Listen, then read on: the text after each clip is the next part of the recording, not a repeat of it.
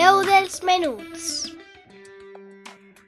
Un espai de literatura, diversió i entreteniment.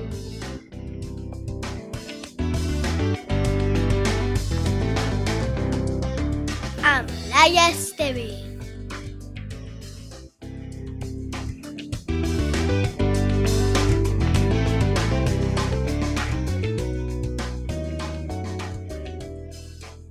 Amics i amigues de la veu dels menuts!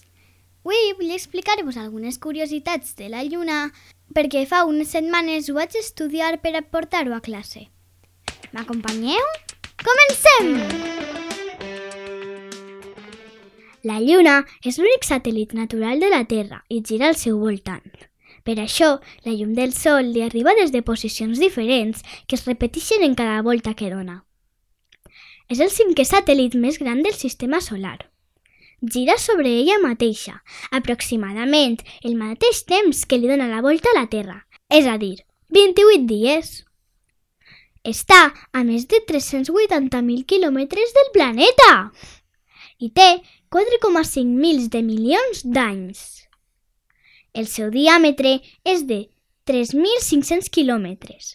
Allà, la durada d'un dia són 28 dies terrestres i la d'un any 28 dies a la Terra també.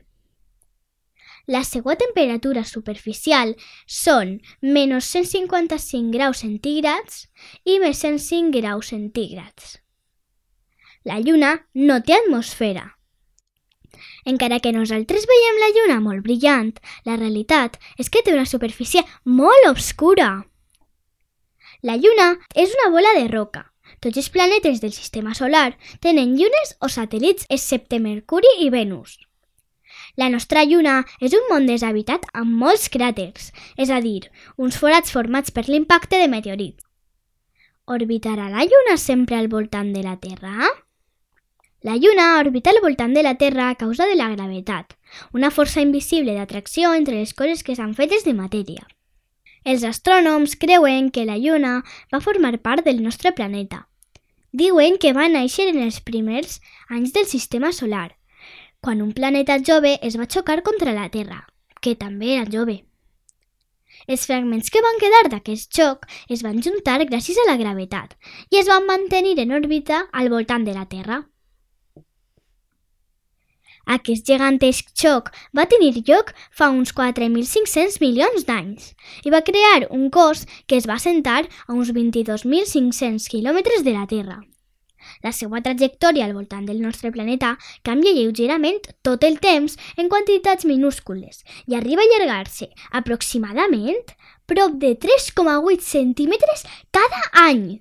Així, algun dia podria arribar a desaparèixer per complet.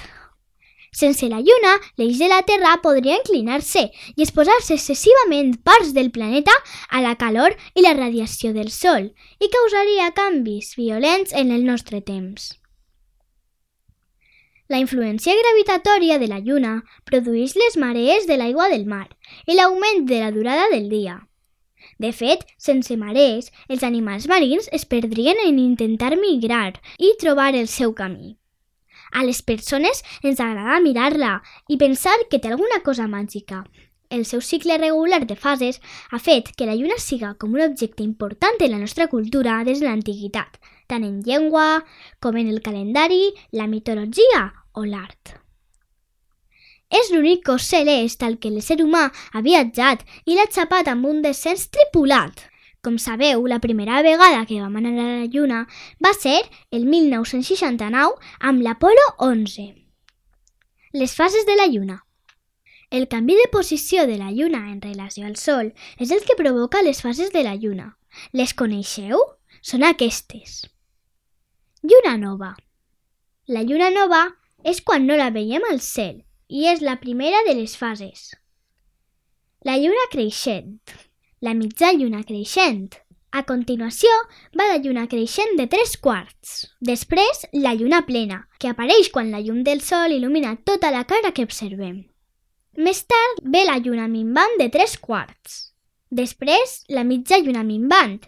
I, ja per últim, la lluna minvant. I després ja tornarem a l'inici, és a dir, a la lluna nova. diferents tipus de llunes segons la seva aparença. Hi ha diferents tipus de llunes segons com la veiem des de la Terra. Per exemple, la superlluna de sang, perquè té un color roig molt peculiar. La NASA explica que durant un eclipsi lunar total, la lluna travessa completament l'ombra oscura de la Terra. Així, durant l'eclipsi, la lluna oscureix gradualment i obté un color oxidat o roig, com la sang. Crida tant l'atenció aquest color que se li anomena lluna de sang. La pròxima serà el 16 de maig de 2022. Per tant, no té res a veure amb Halloween. La superlluna de les flors, perquè es veu en el mes de maig.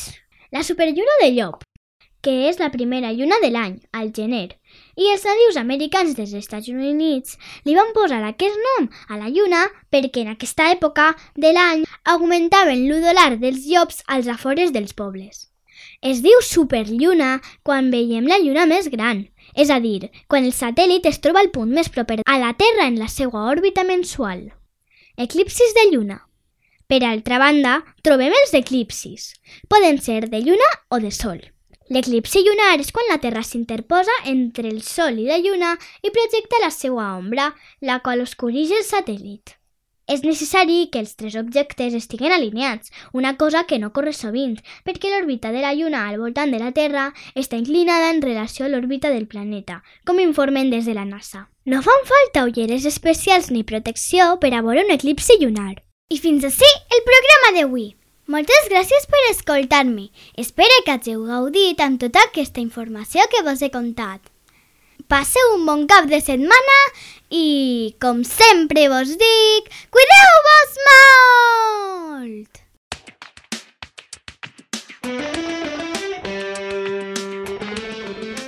La veu dels menuts. Un espai de literatura, diversió i entreteniment.